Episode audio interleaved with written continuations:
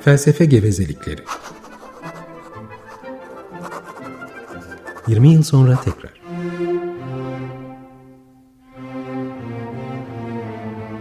Hazırlayan ve sunanlar Oruç Araoba ve Ferhat Taylan.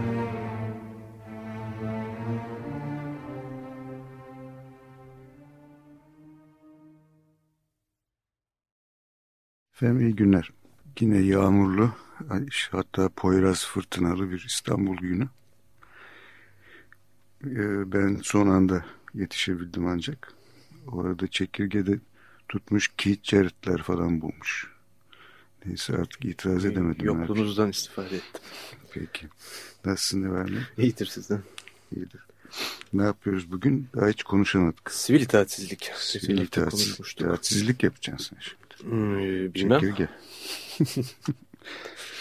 Bakalım yani belki hatta bunun üzerine bir program dizisi bile yapabiliriz. Çünkü e, epeyce üzerine konuşulacak, söylenecek şey var gibi gözüküyor.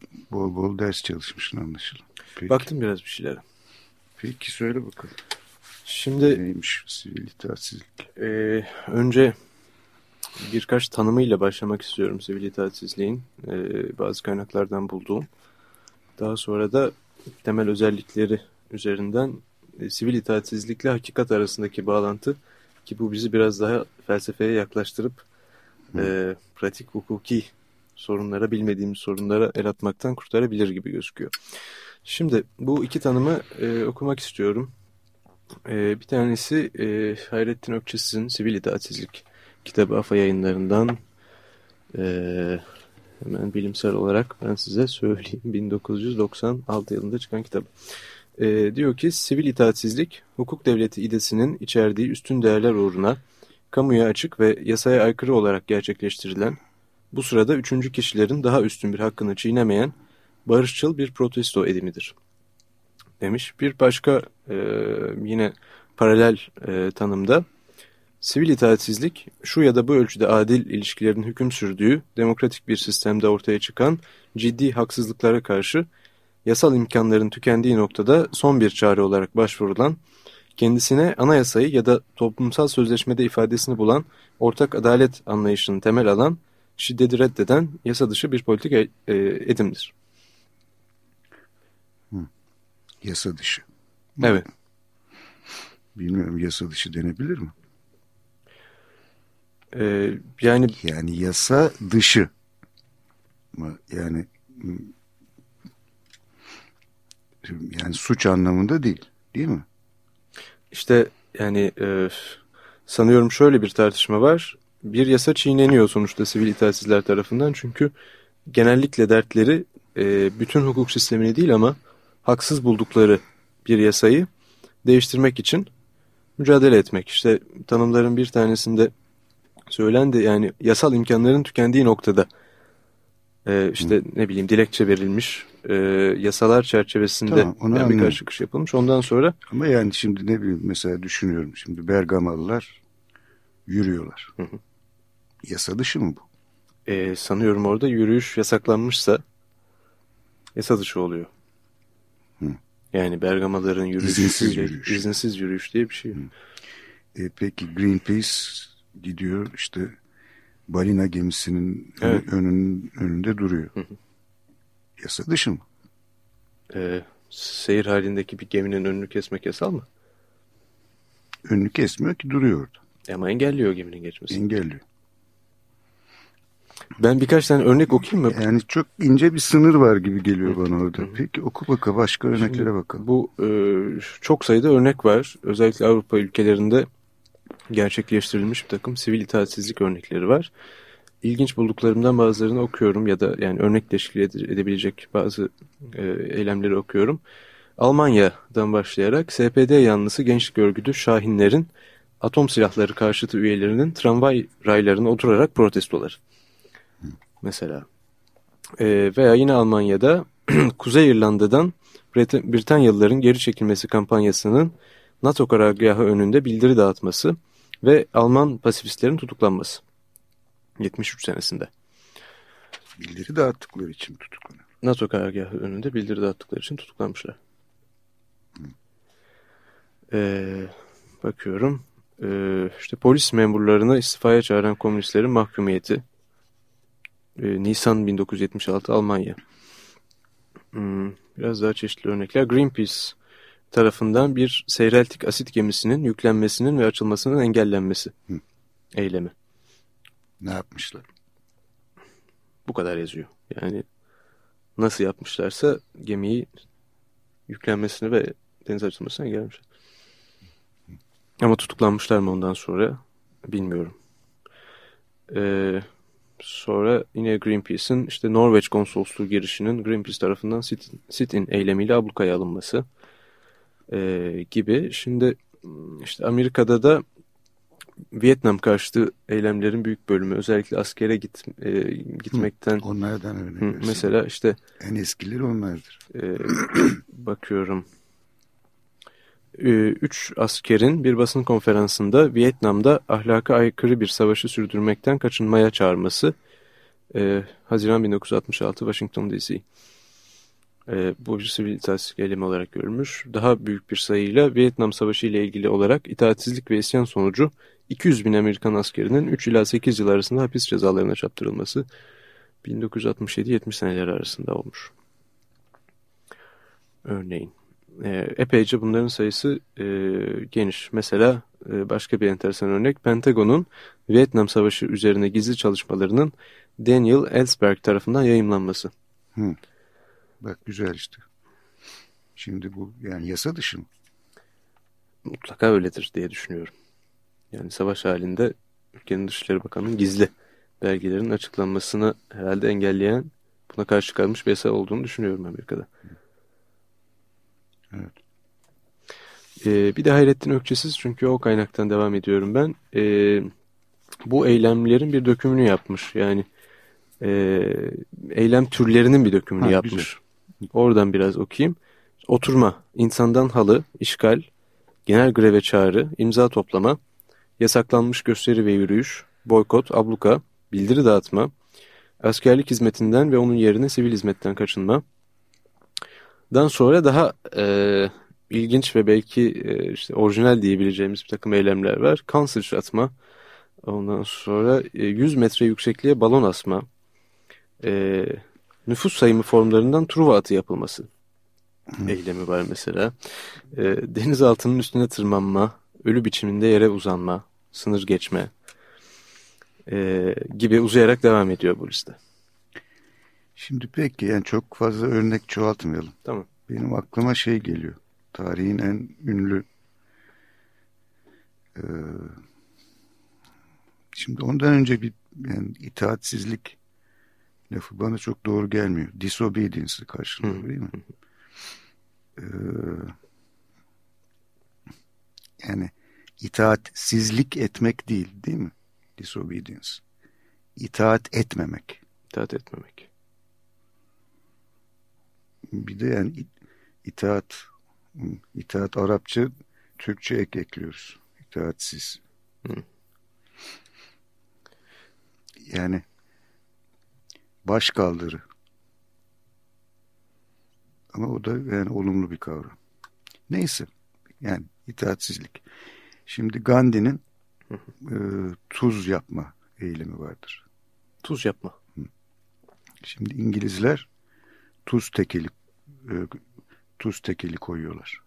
Yani e, şeyde Hindistan'da ancak işte bir şirket var. East India Company diyelim. Belki de o değildir ama neyse. Ancak o tuz yapma ve satma şeyine sahip. İnhisarına sahip, tekeline sahip. Özür dilerim. E, işte Gandhi bir tür o 1920'ler sanıyorum. İşte ilan ediyor. Ben tuz yapmaya gidiyorum diyor. Yola çıkıyor, yürümeye başlıyor. E bir de uzun bir yol hatırladığıma göre yani birkaç hafta sürecek. Ve insanlar katılmaya başlıyorlar ona. En sonunda büyük bir kalabalık oluyor. Denize geliyorlar. Ondan sonra denizden işte tuz yapıyorlar. İngilizler ne yapıyor hatırlamıyorum doğrusu. Şimdi yani şöyle bir yani çok ince bir çizgi var gibi geliyor bana. Yani yasa ya aykırı ama yasa çiğneyen bir şey değil. Civil disobedience. Değil mi? Yani özellikle yani şiddet iki tanımda da şey var değil mi? Şiddetsiz. Şiddetsiz. Şimdi benim e, birkaç kaynaktan da gördüğüm aşağı yukarı bütün bu sivil itaatsizlik olarak kabul edilen eylemlerin genel özellikleri ki yani sanıyorum bütün aşağı yukarı sivil itaatsizlik e, kuramcıların üzerinde uzlaştığı e, dört tane özelliği var sivil itaatsiz eylemlerin yani böyle yaz, yazılıyor. E, bir tanesi yasa dışılık bunlardan.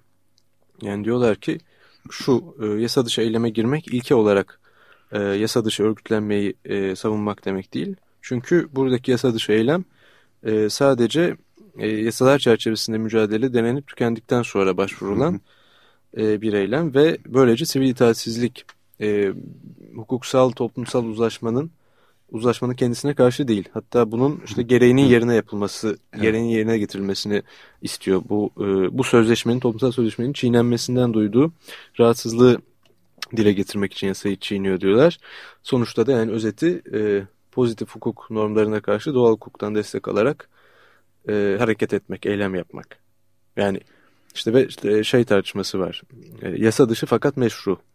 Heh, işte tam. Çünkü ne yani e, sivil itaatsizlik eyleminde bulunan aslında amaçladığının yasal olmasını istiyor. Evet. Değil evet, mi? Evet.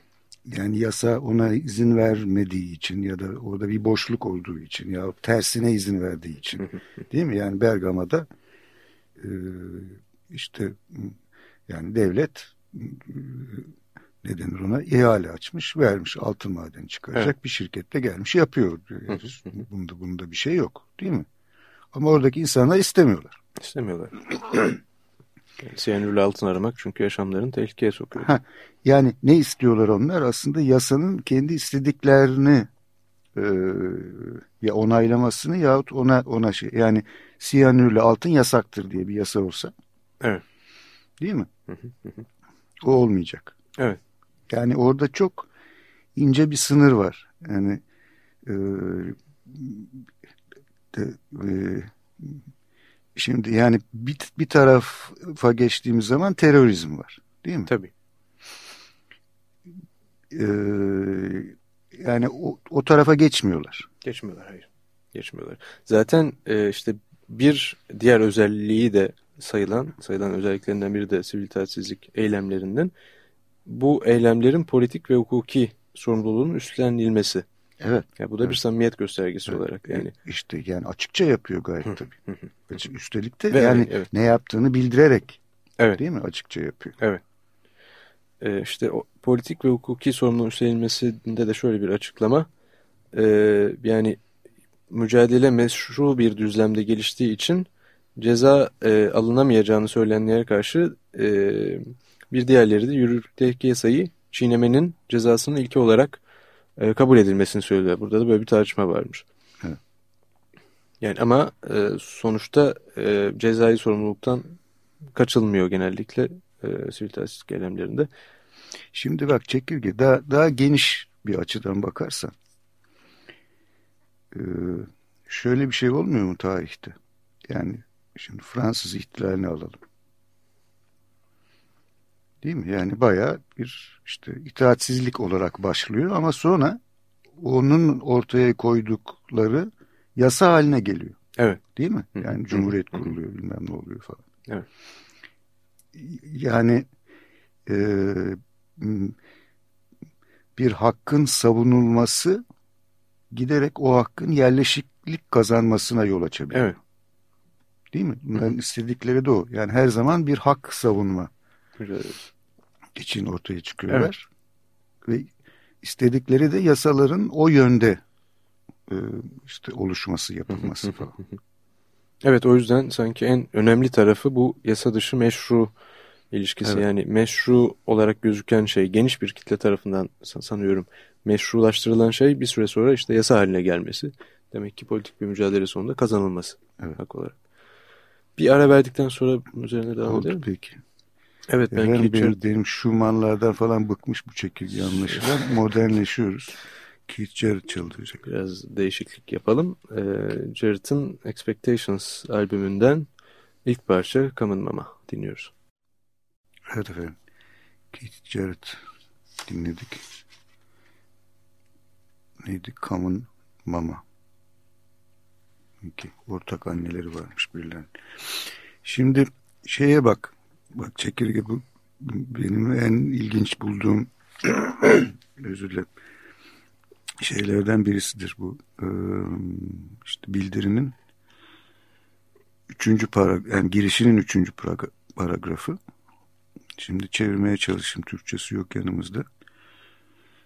Ee, insanın son bir çare olarak zorbalığa ve baskıya karşı baş kaldırmasına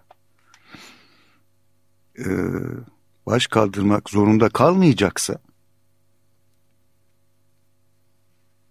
işte insan haklarının e, yasa yönetimince e, yasa yönetimince korunması gerekir. Yani çok ilginç bir anlam çıkıyor buradan değil mi? Eğer yasa yönetimince korunmuyorsa bir hak belli bir anlamda insanın zorbalığa ve e, baskıya karşı baş kaldırma hakkı var. Diyor evet. Değil mi? O anlamı çıkarabiliriz. Evet çıkıyor. Çünkü e, işte yine Gandhi'nin durumu durumuna dönersek yani sonunda öldürülüyor ama e, işte eylemleriyle e, ölüm oruçlarıyla özellikle yani bayağı bir adam işte duyuluyor tabii etrafta. E, o zamanlar radyo falan var bildiğim kadarıyla. İşte Gandhi ölüm orucuna ölüm orucuna yattı diyorlar. Diye yasalar değişiyor, hükümetler istifa ediyor, bilmem ne yapıyor. En sonunda da İngilizler çekip gidiyorlar Hindistan'da. Evet, evet. Bağımsızlığını kazanıyor yani. Değil mi?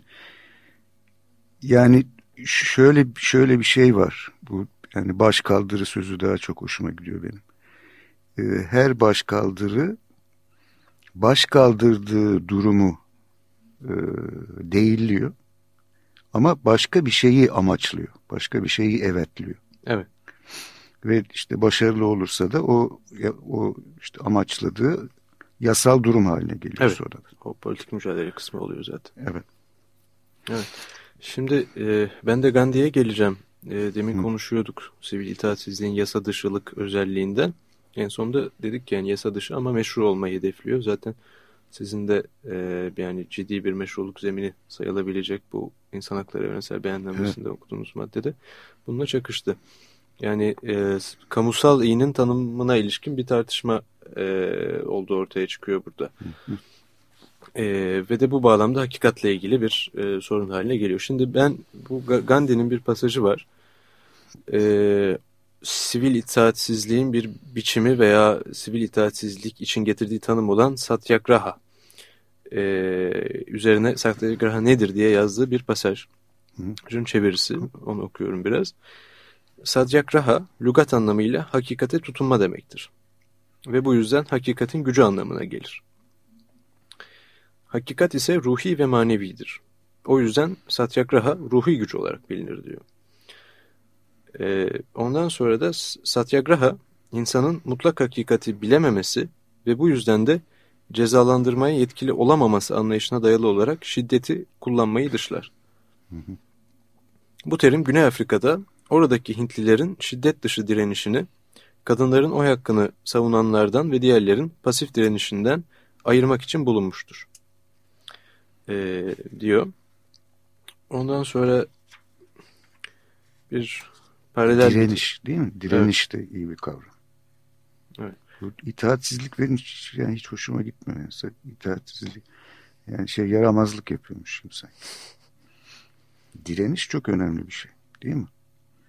Yani e, 20. yüzyılın tarihine bakarsak bunu özellikle Camus vurguluyor e, şeyde işte baş kaldıran insanda e, işte yani bütün batıda yani e, şey kapitalist toplum içinde e, insanların durumlarının düzeltilmesinin en önemli etkenlerinden birisi grevler olmuş. Evet. Değil mi? Yani yasal grevler. Yani direnişler. işte bilmem kaç saat çalışırken bilmem ne kadar para alırken bilmem ne yaparken falan yani bayağı refahın şeyinde oluşmasında büyük payı vardır ve yani grev yani direniş iş bırakma biçiminde bayağı yasal bir haktır. Değil mi? Belli bir evet. noktadan sonra kullanılabilen bir haktır. Ve bir hak haline gelmiştir başlangıçta. Yasa dışıydı. Evet tabii. Dendiği gibi. Biraz daha devam edeyim. Ondan sonra Peki. hakikate bağlanacak. Şimdi başka bir metinde... O arada Gandhi'nin ön adını ne demek olduğunu Mahatma ne Mahatma, demekti? Büyük ruh. Demek. Ben büyük ruh. Demin hani ruhun gücü evet. diyordu ya. Hı. Ee, şimdi Satyagraha'nın kök anlamı hakikate tutunmaktır. Yani hakikatin gücüdür. Bunun yanı sıra ben ona sevgi gücü veya ruh gücü diyorum diyor Mahatma Gandhi. Ee, Satyagraha'nın uygulanmasında yani hakikate ulaşmada daha ilk başlardaki aşamada kişinin rakibine karşı onu zedeleyen şiddeti uygulamamak gerektiğini, onun sabır ve şefkatle hatadan kaçındırılması gerektiğini keşfettim. Bir kişiye hakikat gibi görünen bir şeyi diğeri hata gibi görebilir. Sabır kendine sabır kendine acı çektirme anlamına gelir. Bu yüzden doktrin muhalifin acı çekmesiyle değil kendisinin acı çekmesiyle hakikatin gösterilmesi anlamına gelir diyor. Burada tabii şey hakikatin e, kendisine acı çekerek gösterilmesi konusunda Sokrates aklıma geldi kaçınılmazca. Hı. Yani kimseyi ezmeden ama başka bir biçimde çok güçlü bir yoldan. Yani kendisi o kadar hakikati bildiğinde, hakikati sahip olduğundan emin ki kendisini yani ölüm cezasına çarptırılmasını kabul ediyor bir şekilde. Ölmeyi kabul ediyor diye. Yani Hatta biraz kışkırtır bile bence. Belki de. Biraz şey yapıyor. Belki de ayrıca ele alırız onu. Şimdi bak iyi onu hatırlattın. Ee, Sokrates işte en son konuşmasında e, şeyinde yani savunmasında mahkemede yaptığı savunmanın en son bölümünde işte önce yani benim lehime oy kullananlara bir şeyler söylemek istiyorum der. Ondan sonra işte ölüm o kadar kötü bir şey değildir. Yani üzülmeyin ben öleceğim diye der. Ondan sonra da çok ilginç bir durumdur. Ee, üç kişi vardır onu işte suçlayan. Anyetos yani unuttum adlarını neyse. Üç, biri şair, biri retor, biri hukuk adamı. Ee, muhbir vatandaşlarımız yani. Ondan sonra şimdi onlara sesleniyorum diyor. Ee, onlar beni şimdi ölüme gönderiyorlar ama onların başına benim başıma gelenden çok daha büyük şeyler gelecek diyor. Ve insanlar diyor siz Sokrates'i öldürdünüz diyor, diyor onlara çok fena şeyler yapacaklar diyor. İnsan ölüme yaklaşınca öngörü gücü yükselir diyor. Bak ben size öyle böyle söylüyorum diyor. Üç yıl sonra Anitos idam ediliyor. Öteki ikisinden bir tanesi daha idam ediliyor. Birisi sürgüne gönderiliyor. Ondan sonra Sokrates'in bir büstü dikiliyor Atina'ya. evet, yani şunu şunu şimdi hakikatle kurduğun bağlantıyı biraz şey yaparsak e, şimdi her her çağda her yani toplumun belli dönemlerinde belli şeyler meşru belli başka şeyler meşru değil. Evet. Ve o meşru olanlardan memnun olmayan insanlar var. Tabii. Ondan, ondan hoşlanmayan insanlar var. Hı hı. İşte bir anlamda direniş ya da başkaldırı işte giderek ihtilal haline de gelebilir. Değil mi? Devrim haline evet, de tabii. gelebilir. Ee, bu anlamda e,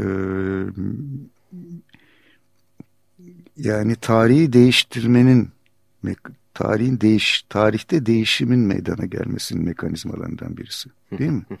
evet. Şimdi şeyi düşün. Yani Mustafa Kemal'i düşün. Değil mi?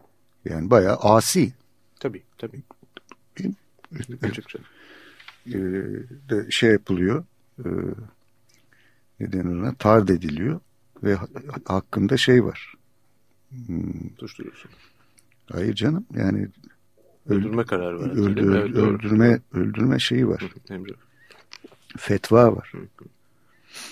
Değil mi? Ama sonra ne oluyor? İşte Türkiye Cumhuriyeti'nin Cumhurbaşkanı oluyor. Evet. Değil mi? Onun onun onun istediği amaçlanıyor ve bir bir devlet yıkılıp yeni bir devlet kuruluyor. Evet yani güç e, mücadelesini kazanmış ol, oluyor sonuçta zaten. Evet.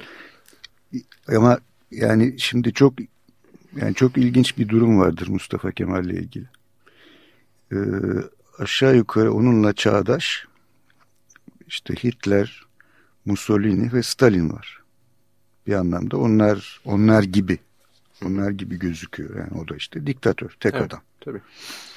Ama bak bugün e, Hitler, Mussolini ve Stalin'in adları kendi kendi devletlerinin tarihinde bir takım kara sayfalar olarak görülüyor. Kendi milletleri tarafından.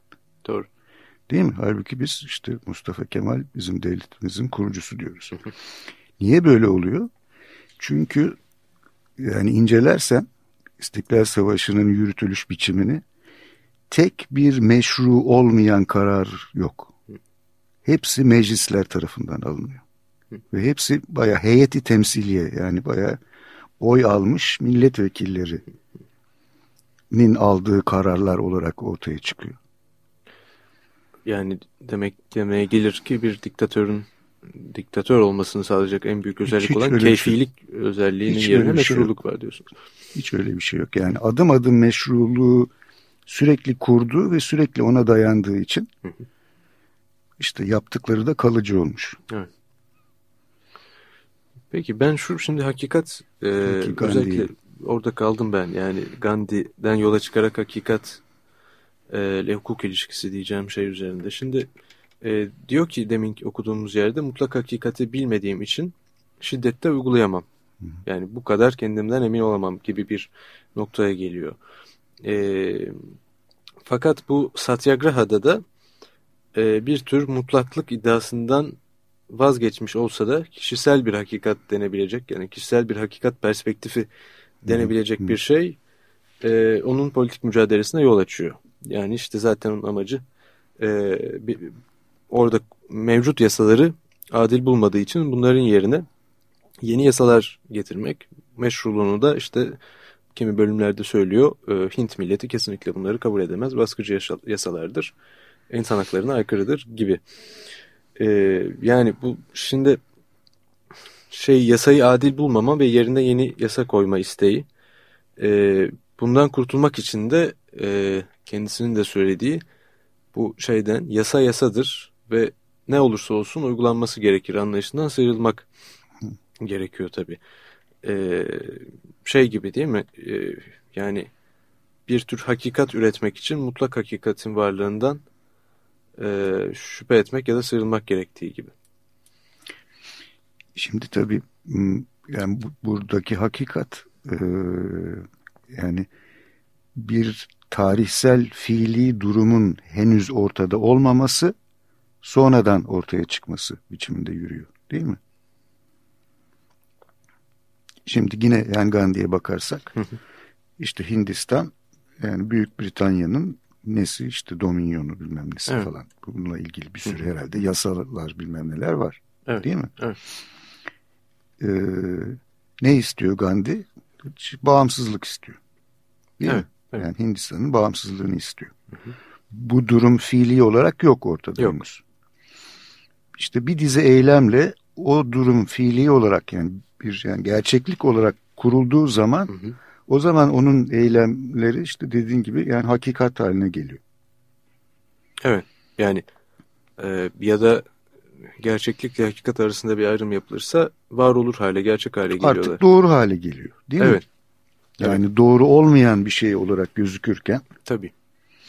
Ama e, yine de e, bu politik mücadeleye girilirken e, şimdi yani karşısında müca mücadele verilecek şeyin de kurmuş olduğu bir hakikat var mutlaka. Yani Tabii. İngilizlerin de e, Hint halkının bütünüyle ayaklanmasını engellemek için kaba kuvvet dışında kurmuş oldukları bir söylem oldu. E, muhakkak yani şu anda mesela benim aklıma gelen tarzıyla boş yani yanlış bir şey söylemek istemiyorum ama örneğin e, işte Büyük Britanya İmparatorluğu'nun gücünün işte Hindistan'da da e, olması ya da Hindistan'ın geliştirileceği bir miktar pozitivizmle beraber gibi bir takım söylemler herhalde varlar. Tabii canım. Yani e şimdi bu noktada bedava gaz gaz lambası dağıtıyorlar. İşte mesela.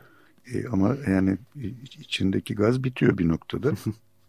Hintli gidip gaz almak zorunda. Gazı da İngilizler satıyor.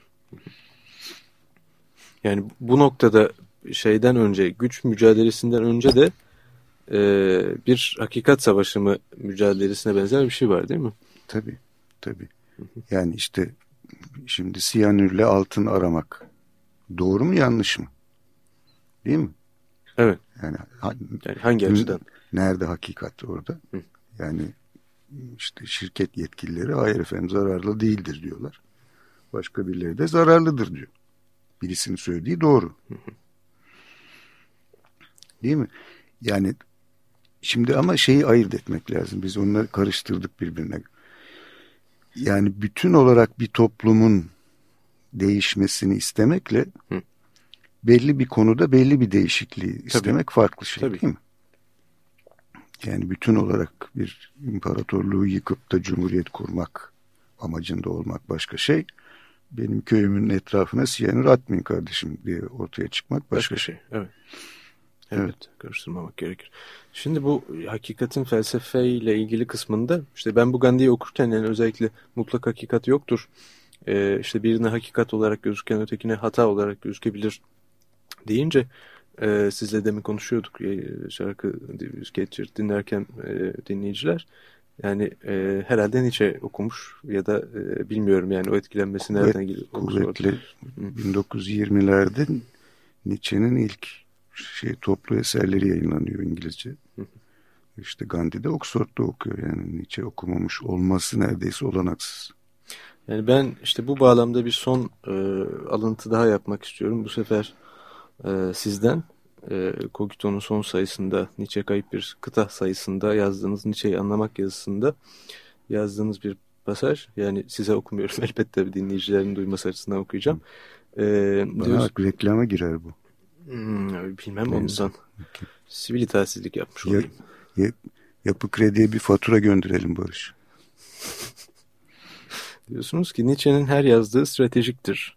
Düz, lojistikteki anlamıyla bir meydan savaşının nasıl kazanılabileceğine, bir düşmanın nasıl yenilebileceğine yöneliktir. Bir sorunun nasıl çözülebileceğine. Çünkü Nietzsche'nin her yazdığı perspektiflidir. Belirli bir açıdan bakılınca nasıl görünüyor diye düşünür bir konuyu ele aldığında.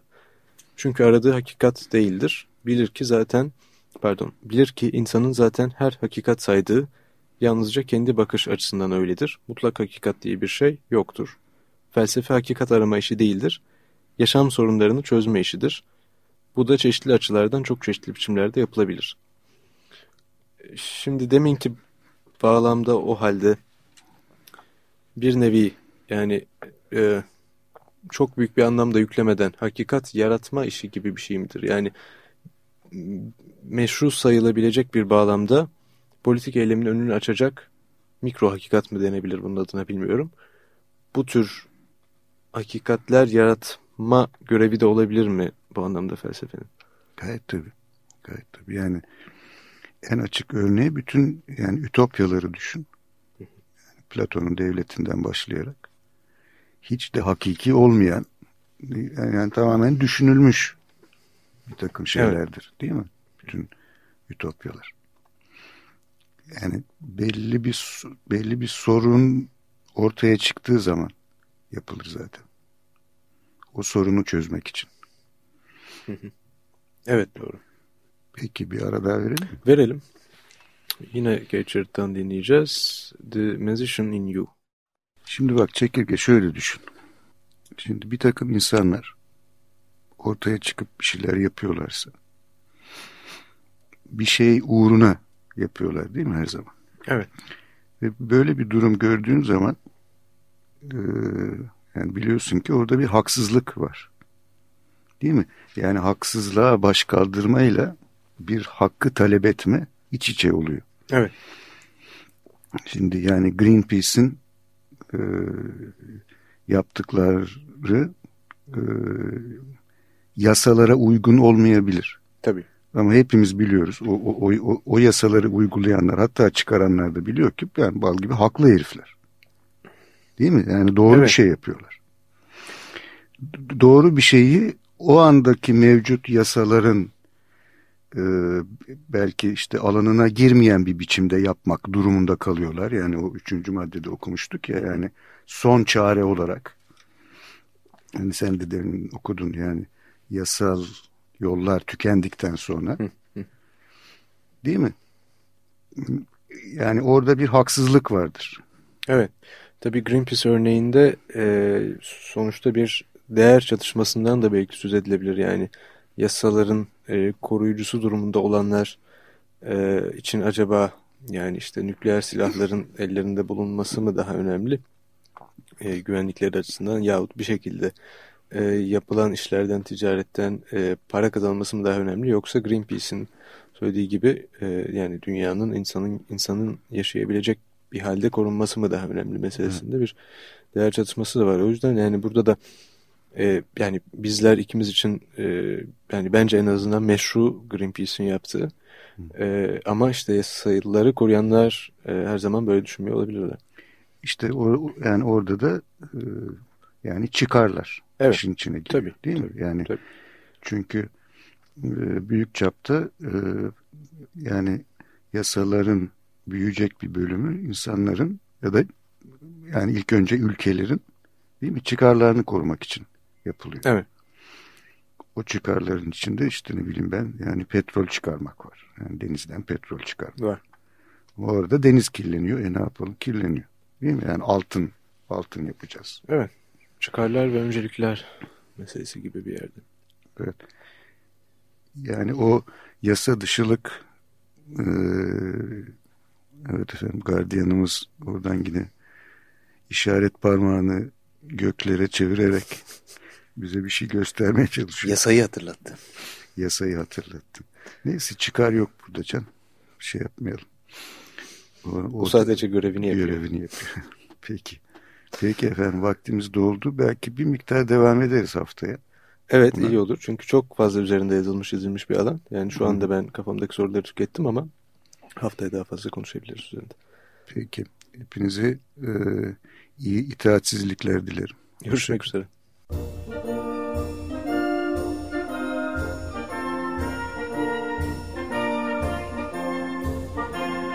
Felsefe gevezelikleri.